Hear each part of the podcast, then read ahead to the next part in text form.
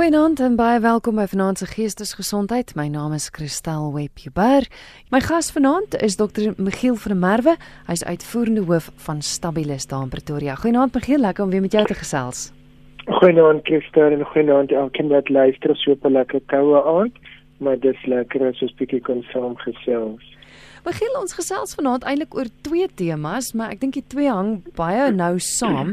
Eerstens die rol van verslawing in gesinsgeweld en dan ook die gevoel tussen skuldwaan en skuldgevoel. Jy weet, as jy nou skade gedoen het aan die mense naaste aan jou, hoe maak jy dinge reg?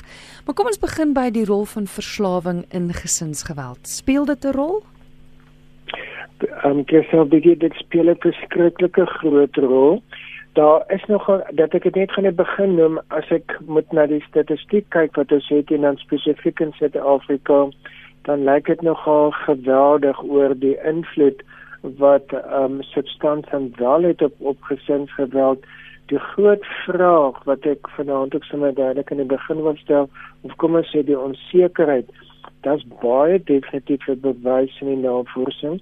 Daar is 'n verband tussen die twee die onsekerheid lê is dit nou die substansie wat die gesinsgeweld veroorsaak of is dit gesinsgeweld wat veroorsaak dat mense dan afhanklik verslaaf raak so dis die onsekerheid die tipiese honder of eier wat in is hmm. eerste maar dat daar 'n definitiewe um, verband is baie vinnig wat ek net so een stukkie statistiek gevindig kan noem hulle beweer in Suid-Afrika dat ehm um, vrouens wat dan ook gesinsgeweld dan betrokke is of deel dat deur die kans is 15 keer meer dat hulle daarna aan alkohol verslaaf gaan raak en of 9 keer meer dat hulle aan dwelms gaan verslaaf raak en so omgekeerd weer wys polisie verslaaf dat daar waar daar gesinsgeweld en veral dan ook sterftes is meer as 50% van die kere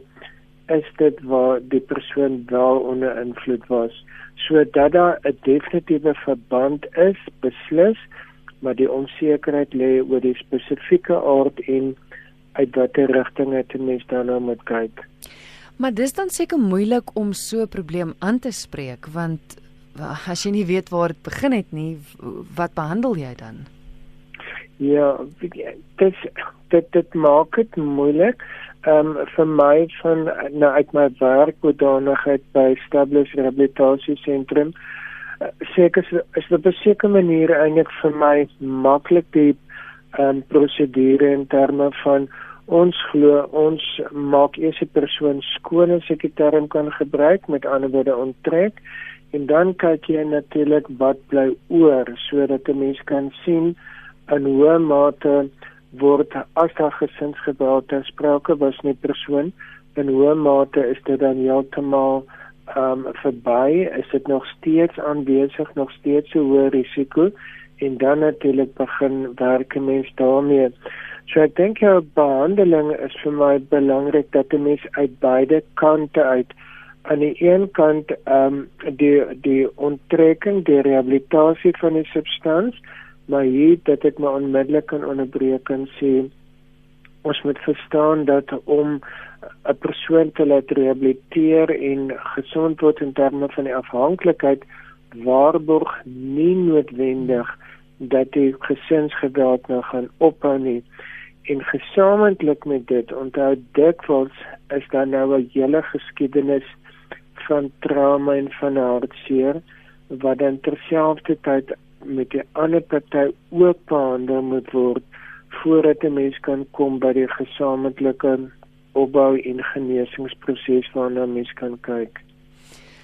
Ek het uh, nou die dag die die rolprent ehm um, Ellen Pakkies gekyk En daarin sê hulle dat iets so stuk byvoorbeeld verander fisies jou brein. Ehm um, is dit is dit baie maal die geval as mens kyk na na sekere substansies wat mens gebruik, is dit hoekom mense sou sê gesinsgeweld kom dan meer voor is omdat daai afhanklikheid iets verander in jou brein? Ehm um, verslawing afhanklikheid het 'n impak op 'n persoon of sy gedrag en of sy emosie um en of sy denke. Ja, daar is baie materiaal waarna mens kan verwys wat dit definitief bewys die impak wat verslawing op die brein het en dat 'n mens ook dan in die rehabilitasie daarvan kan ook sien in 'n groot mate hoeveel dit dan ook weer kan verbeter afhang afhang afhangende natuurlik nou van die langtermyn skade en hoeveelheid so dat dit so is dat dit so invloed is dit verander beslis die persoon en ehm um, dat dit 'n impak op op die persoon se gedrag kan hê en met ander woorde aanleiding kan gee tot 'n groot waarskynlikheid van gesinsgeweld is definitief moontlik. Hier's 'n luisteraar wat per SMS sê ek het oor die jare verskillende forme van substansafhanklikheid gesien en ook die invloed wat dit op 'n persoon het. Um in een geval het ek regtig gesien hoe 'n persoon ongelooflik aggressief raak die oomblik as hulle te veel drink. Hierdie persoon skryf ek het ook uh iemand geken wat al hoe stiller geraak het hoe meer hulle gedrink het. So ja, dis nie noodwendig dat dit lei tot iets soos gesinsgeweld nie want elke persoon wil ek amper half sê hanteer sy sy drank of sy dwelms verskillend is ek reg ehm um, dit dit mis kan dit so sien ek dink die luisteraars moet net na beide kante toe luister daar's 'n klomp dat dit begin by die kant van die verskillende tipes van gesinsgeweld wat 'n mens kry. Mm -hmm. Dit kan fisies wees, seksueel, emosioneel, ekonomies, jou intimidasie, jou tuistering, ehm um, beskadiging van eiendomme, klomp goeder. Daar's 'n klomp tipes van wat jy kan kry. Nou, moet ons verstaan, dit kan op 'n aktiewe of op 'n passiewe wyse wees. Met ander woorde, of ek raak ehm um, aggressief en baie sterker of ek kan ehm um, emosioneel byvoorbeeld heeltemal onttrek. So aan die een kant kan ek kan ek skel en slaan en seermaak aan die ander kant kan ek ook emosioneel en dan ook fisies heeltemal afwesig raak en onttrek. Die die kern wat ons wat ons moet verstaan in hierdie hele saak gaan dis reg. Aan die een kant afhangende van jou um substance en daai het ons jou goed wat jou sinema ons um praat van die mense die van jou substansie wat jy meer aktief maak, ehm um, die sogenaamde uppers wat ons in Engels sê of dan dit kan net downers wees wat jy dan meer stiller en, en passief kan maak. So daar kry jy ook na beide kante toe. Die hele kern van hierdie onderwerp wat ons moet verstaan, dit gaan om 'n saak van mag en beheer en afhangende van van my party die die persoon in die, die ander persoon in die verhouding die slagoffer waarvan ons praat kan 'n persoon na hier afhangende na na verskillende kante te beweeg of dan 'n meer aggressiewe beheermetode of dan na 'n meer passiewe onttrekkingskant toe die feit bly om die persoon wil mag en beheer begin uitoefen oor die ander persoon um, om watter rede dit ook al mag wees is baie interessant wat jy genoem het van die verskillende maniere van gesinsgeweld want mense is altyd geneig om net dadelik te dink dit is een wat 'n ander een rondklap. Maar ja, daar's verskriklik verskillende maniere. Jy het dit nou net opgenoem. Ja, ek sê dit dit is in jou amptelike literatuur. Hmm word gewys na hierdie verskillende en en dit is wat die mense moet verstaan. Ehm um, vir my die die maklikste is is 'n is 'n baie moeilike onderwerp in die opsig omdat hy so wyd is en omdat daar so baie verskillende fasette daarvan is. Die ek probeer dit altyd vir mense verduidelik. Die oomblik as 'n mens moet sê dat die verhouding het nie 'n 'n positiewe opbouende effek en hoor baie die luisteraars moet hoor op beide partye. Indien dit nie die geval is nie, dan sou mens heel waarskynlik dit na een of ander vorm van um, gesinsgeweld kon deurtrek. Jy kry dit baie keer in jou gesinsgeweld.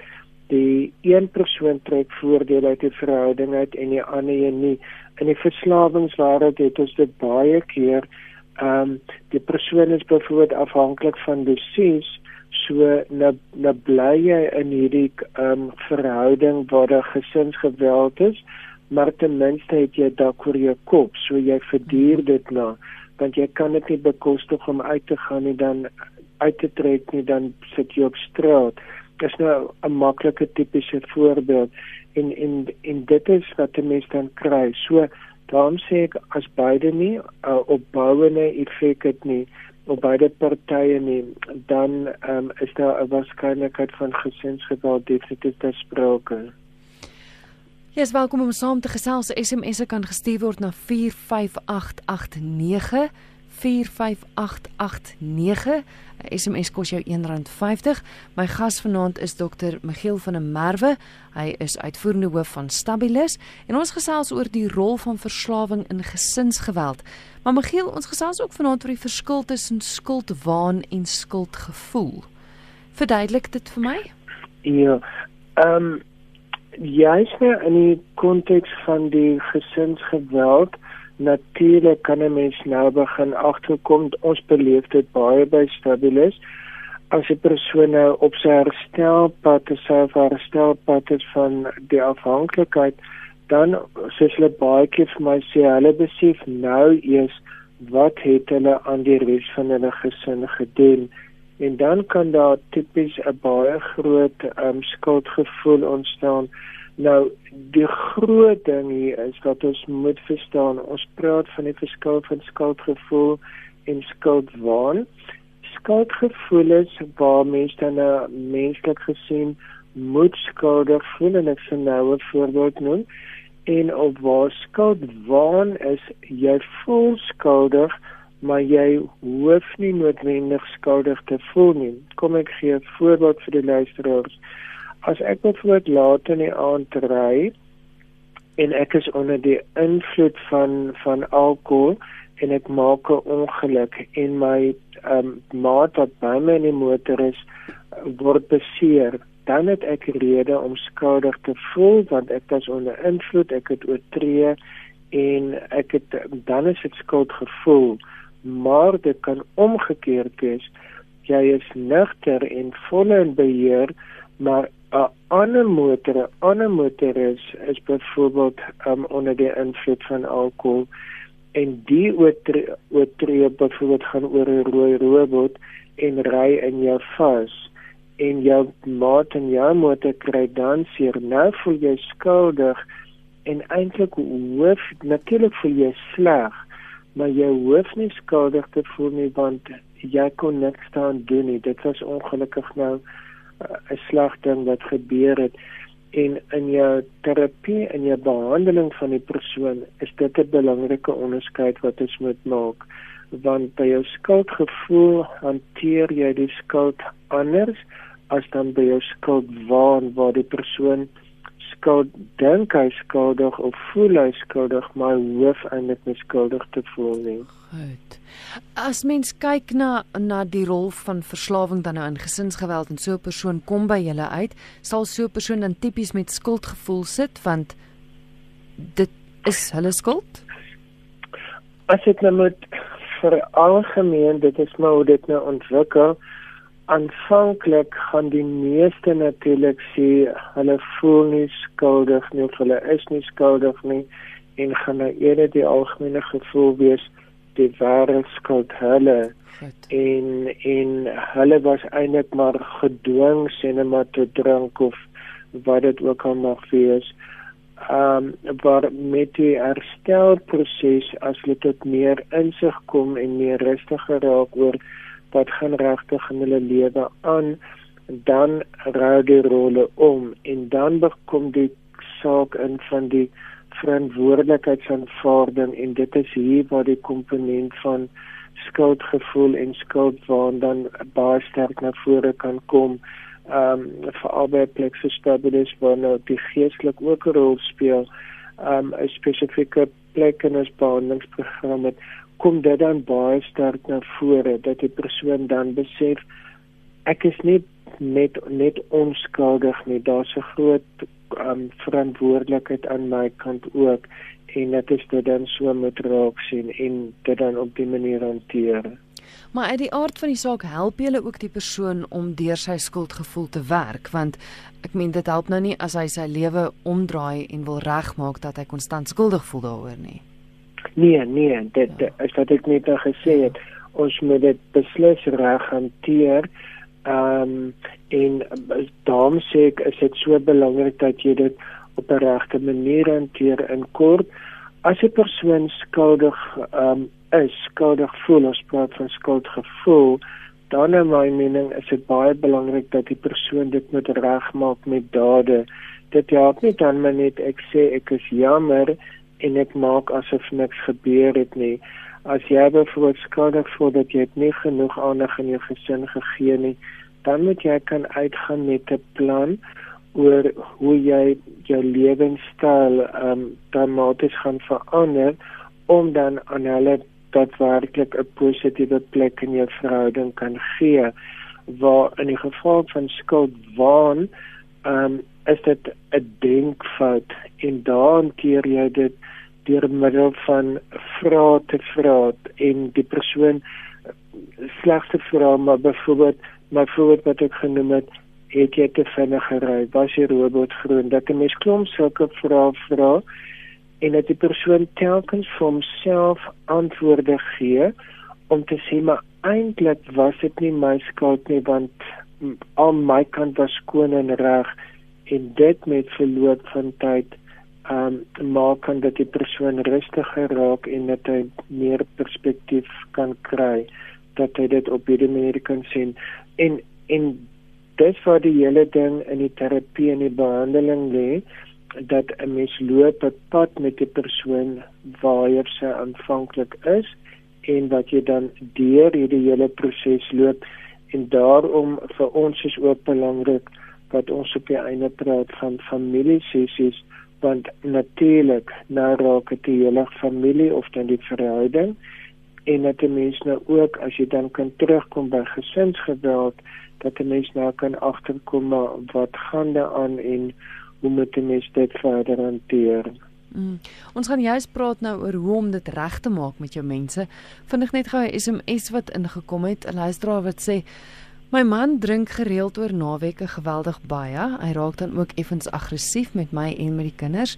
Die volgende dag as hy verskriklik spyt daaroor, hy vra om verskoning en sê hy sal dit nooit weer doen nie, net om dit die volgende naweek weer te doen.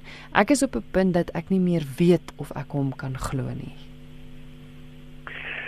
Ehm um, ek ek sou eerder dit vraag vir ja, mis mis kan sê soos jy luister of dink soos vir die luisteraar sê ehm um, die dit is 'n tipiese tendens jou proses hoe dit loop dit bou op soos wat sy noem van 'n word gedrink dan is dit die insident wat is van praat waar die ehm um, gesinsgeweld kan plaasvind die ag aggressie wat sy genoem het dan kry jy 'n fase van jou versoening die persoon is beskiklik jammer en beloof hy sal hy sal nie weer nie en dit gaan van nou af anders wees en dan moet jy hom glo en dan jou vierde fase is dan is daar die sogenaamde bitterbread fase dan gaan dit regtig goed en dan volgende naweek herhaal jy hom weer.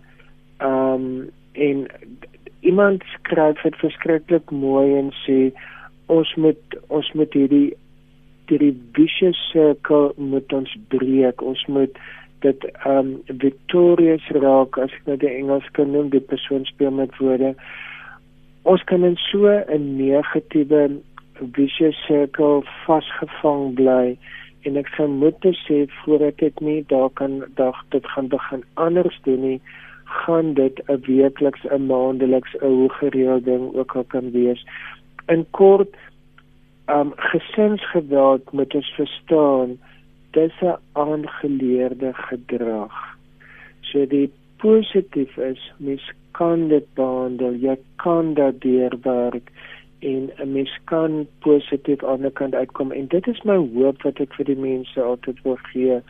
Die die feit bly um die slagoffer persoon moet kan kom by die punt om dit te kan raak sien te kan eien dat 'n mens dan uit hierdie negatiewe sirkel kan uitbeweeg in 'n oorwinnende sirkel Maar is dit iemand wat vra wat as die persoon nie self weet hulle het so groot probleem dat hulle hulp moet kry nie? hulle sê volgende keer sal hulle dit nie weer doen nie, maar hulle hou net aan om dit te doen. So hoe maak jy en ek weet dis 'n vraag wat baie gereeld by die program inkom. Wat maak jy as die persoon met die probleem self nie dink hy het 'n probleem nie? Ehm um, daar's verskillende jou jou sagte met metodes is en weer eens as ek dit dieselfde gaan hanteer ehm um, dan gaan jy dieselfde antwoord kry. Jou maklike metodes is altyd ehm um, die een raad wat ek vir baie mense gee is ek sê weet jy terwyl die persone so positief is dit gaan nie weer nie. Ek sê um, kom net saam en dat die mense onafhanklike evaluasie assessering van die persoon doen deur 'n onpartydige party. Onthou, nou was jy gesprek of die geveg nog aan mekaar tussen die twee en die hele gedagte dat jy net 'n buiteprofessionele persoon kry wat uit 'n groter perspektief uit na die situasie kan kyk om dan te kan uitwys ehm um, wat dit is. Dit is die jou, jou sagte metode as ek dit so kan uitdruk. Die ander metode is ook ekskuus die um, slagoffer sou moet kom goed. Ek hoor jy's jammer, ek hoor jy beloftes jy's dit, maar dan is dit baie krities. Die persoon moet absoluut konkreet meetbaar kan kom by antwoorde. Goed jy sê jy sal nie weer nie. Ekskuus. Gaan jy glad nie meer drink nie, gaan jy glad nie meer slaan nie. Wat gaan jy doen? Wat van uitsonderings? En dan ook daarmee saam die hele gedagte sou dit gebeur, ehm um, wat kan dan gedoen word sodat dan nie weer 'n stryery is nie. Daar moet dan 'n baie definitiewe gesprek wees oor meetbare wat bedoel die persoon met wat dat hy nie meer iets gaan doen nie of dat hy iets anders gaan doen en baie meetbaar en konkreet met inkom oor hoe die slagoffer dan kan optree sou so iets weer plaasvind. Hier is jou groot uitdaging. Ek sê dit vir die mense jy dreig nie. Wat jy sê moet jy doen. As jy sê jy gaan die polisie roep. As jy sê jy gaan die persoon uit die huis uitsit of wat ook al. Of dit nou 'n dag, 'n maand of 6 maande later is, jy moet dit doen ongeag die omstandighede. Dis regtig my ondervinding. Eers die dag wanneer hierdie absolute optrede dan toegepas word, dan is jou um, waarskynlikheid baie groot dat die persoon tot insig gaan kom met verandering. Maar so dis of 'n sagte metode van bloot van 'n assessering, evaluering deur 'n professionele persoon of dan hierdie meetbaar konkreet dat 'n mens die persoon um, tipe van dwing om te sê goed, ek hoor nou, ek gee vir jou die voordeel van die twyfel, maar in die volgende ronde is dit en dit wat gaan gebeur en dan moet dit toegepas word. Hmm. Jy het vroeër genoem dat uh, waaroor ons vanaand ook gesels is hoe maak jy reg met jou mense? As jy kom op 'n punt waar jy regtig skoon is, jy wil 'n verskil maak, jy jy stap die pad, jy het alles gelos, maar jy het uit die aard van die saak 'n klomp skade agter jou, mense wat jy seer gemaak het, beloftes wat jy gemaak het wat jy verbreek het.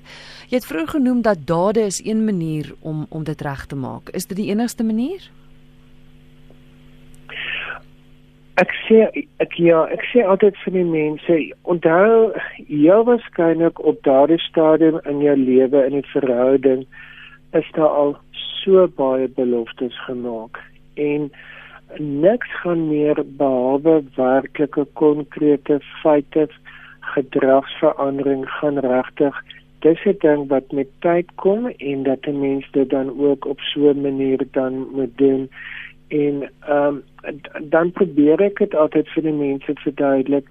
Nou in ba in baie kort 'n mens ek praat van die SMART baie van die luisteraars gaan dit dalk ken die akroniem. Ehm um, beginsels waarna mens kan kyk bedoelende in Afrikaans dan met 'n beginpunt wees dit moet meetbaar wees dit moet bereikbaar wees dit moet redelik wees en jy moet dit kan toets. Want al jou planne gaan nie altyd uitwerk nie. Soos ek vir ons pasiënte altyd sê, 'n alfabet het 26 letters. As jy net met 'n plan A uitstap, dan gaan jy goed jou waarskynlik nie uitwerk nie, want ons is mense, ons dink verskillend. Maar as jy kan eerlik wees met 'n plan A en B oor hoe gaan jy werklik begin anders optree, begin 'n verskil maak, soos ek gesê het in gesinsgeweld gaan dit beide partye moet kan voordeel trek uit die verhoudinge. Dat jy kan telkens kan aanpas hoe moet ons anders optree sodat almal in die verhouding dan kan voordeel trek. En dis ongelukkig ehm um, maar probeer en tref aanvanklik dalk bietjie onsekerheid, maar die feit bly niks kan kan dit wegvat dat dit konkrete dade moet wees en dat jy eers vertroue gaan inboesem met verloop van tyd nie.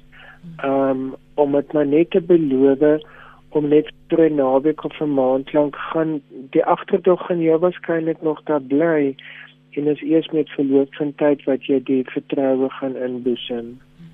Jy luister na Geestesgesondheid. My gas is Dr. Michiel van der Merwe. Hy is uitvoerende hoof van Stabilis en ons gesels oor die rol wat verslawing speel in gesinsgeweld, die verskil tussen skuldwaan en skuldgevoel en ook hoe jy kan regmaak met jou mense. Michiel is nou boodskap van 'n luisteraar wat sê ek kan nie klaarkom sonder verskeie antidepressante, kalmeer en slaappille nie. Geen geweld in die huis nie, maar my man het 'n verhouding met sy skoonsister Dis my oudste broer se vrou. Sy's 19 jaar ouer as hy. En nou dink ek dat die fout lê by my. Dit dryf my na tablette. Hulp asseblief. Ja, die interessante is nogal in gesinsgeweld dat medikasie um nogal en dan baie spesifiek jou antidepressante en dan ook jou um jou jou uh, medikasie vir vir angstigheid dat dit is van jou hoogste snellers wat ook kan lei tot die um, tot gesinsgeweld. Nou as ek hier hoor dis tipies wat ek nou ook um, aan die begin genoem het die verskil wat 'n mens nou kry wat hier is nou eerste is dit nou eerste verhouding van die man of is dit nou die in impak wat die medikasie het eh, dan op die vrou. In beide gevalle sê ek hier sal 'n volledige assessering evaluering gedoen moet word om te gaan kyk is die medikasie het dit nog 'n positiewe gewenste uitwerking? En ook dan nou as dit dan die waarheid is van die verhouding waar dit begin wat sit daar agter dat 'n mens kan gaan kyk So hierdie goed is verskriklik kompleks dat 'n mens daarna moet gaan kyk en ek dink 'n mens sou na die hele ehm um, situasie eers 'n evaluering moet gaan maak. Ek dink is menslik dat jy dit jy waarskynlik net nie fout by by jou gaan soek. Dis 'n tipiese tendens in gesinsgeweld. Die slagoffer kry die boodskap dis my skuld, so ek moet regmaak. Onthou wat ek gepraat het van mag en beheer wat 'n mens dan hier optel en dit is net presies wat hier gebeur klink dit vir my. So daarvoor moet 'n mens ehm um, baie versigtig wees. As ek my vinnig net kan onderbreek, ekskuus ek praat nou baie vanaand, maar vir ons luisteraars, daar's nie 'n tipiese profiel van jou gesinsgeweld persoon nie. En baie kort, jy kry drie hooftipes. Jou een is jou sogenaamde familiepersoon wat na buite baie rustig gaan wees, maar binne die gesin pas hy baie geweld toe. Die ander is 'n meer algemene een, dit is 'n gewelddadige persoon binne en buite die gesin. Die ander een is vir die meer op die emosionele vlak jou onstabiele persoon. So ek sê dat dat die mens moet gaan verstaan, dis nie net 'n tipiese mens of 'n tipiese gedrag nie maar ehm um, dat die mens na die hele situasie evaluasie moet gaan doen om dan te gaan kyk. En wat ek gesê het ons benadering is kom ons onttrek kom ons maak die persoon skoon van enige substans. Kom ons gaan kyk dat medikasie wat die persoon byvoorbeeld moet gebruik soos um, as dit dan antidepressante moet wees dat die medikasie dan die gewenste positiewe uitwerking het indien daar dan nog gesinsgeweld is wat dan ja waarskynlik kan wees of ander verhoudings dan hanteer mens dit maar jy doen dit in hierdie volgorde. Mhm. Isolaistra wat sê my broer het my in gesinsgeweld ingeboelie en nou blameer hy my daarvoor. My hande is afgekap. Ek sal graag met iemand daaroor wil gesels. Nou anoniem, kry asseblief 'n pen en papier gereed want aan die einde van die program gaan Dr. Miguel vir ons kontaknommers gee waar jy wel met iemand in verbinding kan tree om hulp te kry. Is nog iemand wat sê ek was uh, vir 19 jaar in gesinsgeweld te huwelik. Ek het begin drink, uh, maar geskei, twee seuns wat my bystaan. Ek is nou skoon en genees. Dank God daarvoor. Daar is hoop. Um ek dink dit is dit is juis ook die doel van die program is juis om vir mense te wys daar is hoop. Hulle kan gehelp word. Mm. As ek as mense net hierdie een sinnetjie kan onthou en dis wat jy nou gesê het dat daar is hoop. Anderste hoekom sou ek werk gedoen het wat ek gedoen het en ons het regtig 'n baie groot en positiewe sukses wat ek altyd sê meer wysheid of meer genade is wysheid is maar 'n mens is regtig dankbaar daarvoor. Maar wat die luisteraar sê, dit is so waar. 'n Ander stukkie statistiek sê 40% van kinders wat in 'n huis van huisgeweld groot word, gaan heel waarskynlik verslaaf raak aan alkohol. So daarna 'n baie definitiewe tendens is en iets wat ons baie keer hoor is die persoon gaan vir jou sê ek is in 'n um, gesins in in 'n gewelddadige verhouding. Um en dan gaan die persoon vir jou sê maar ek kan nie daar uitkom nie. Dis gewoon nie waar nie. Um vir my gaan dit nommer 1 dat 'n mens of gaan kyk um kan ek iets nog doen beredder aan die verhouding en soos wat ek gesê het daar spesifieke volgorde en stappe wat ons doen as dit nie kan nie terwyl van jouself moet moet jy kan uitkom. 'n skrywer het vir my enige baie mooi beeld gegee. Hy sê dis 'n tipiese situasie jy's in 'n trein. Die trein ry teen 'n styl afdrand af maar daar's nie 'n lokomotief nie. Op die oomblik kry jy jy's in die trein. Hy sê my een of ander tyd gaan daai trein ontspoor en gaan daar niks van jou oorbly nie. So jy het 'n keuse gaan jy in hierdie trein wegloop trein sit en een of ander tyd 'n ongeluk maak en jy weet nie wat gaan oorbly nie of gaan jy uitspring jy waarskynlik bietjie seer kry maar ten minste gaan jy dit bereken doen en is daar kans op oorlewing en herstel.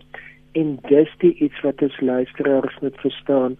Ek moet kan gaan 'n evaluasie doen en ek moet kan gaan vir myself kan verdedig ek het gedoen wat ek kon om hierdie verhouding te herstel want dit help jou in jou proses agterna as jy kan sê jy het gedoen wat jy kon dan help dit as jy wel moet uitspring uit die trein uit. Dan gaan dit vir jou sterker maak en gaan jy heel ander kan kan uitkom. Mens nou 'n SMS van 'n luisteraar wat sê jou gas is so reg as hy sê dat dit gaan oor mag alles is van my weggevat. Ek het nie werk nie of ek werk vir baie lank nie meer nie. My kar is vir my weggevat. Ek kan nêrens heen alleen gaan nie. Ek het geen vriende nie. Hoe maak ek? Um die maklike antwoord is skryf van die mag terug. Dit is nie dit klink dalk nie reg nie.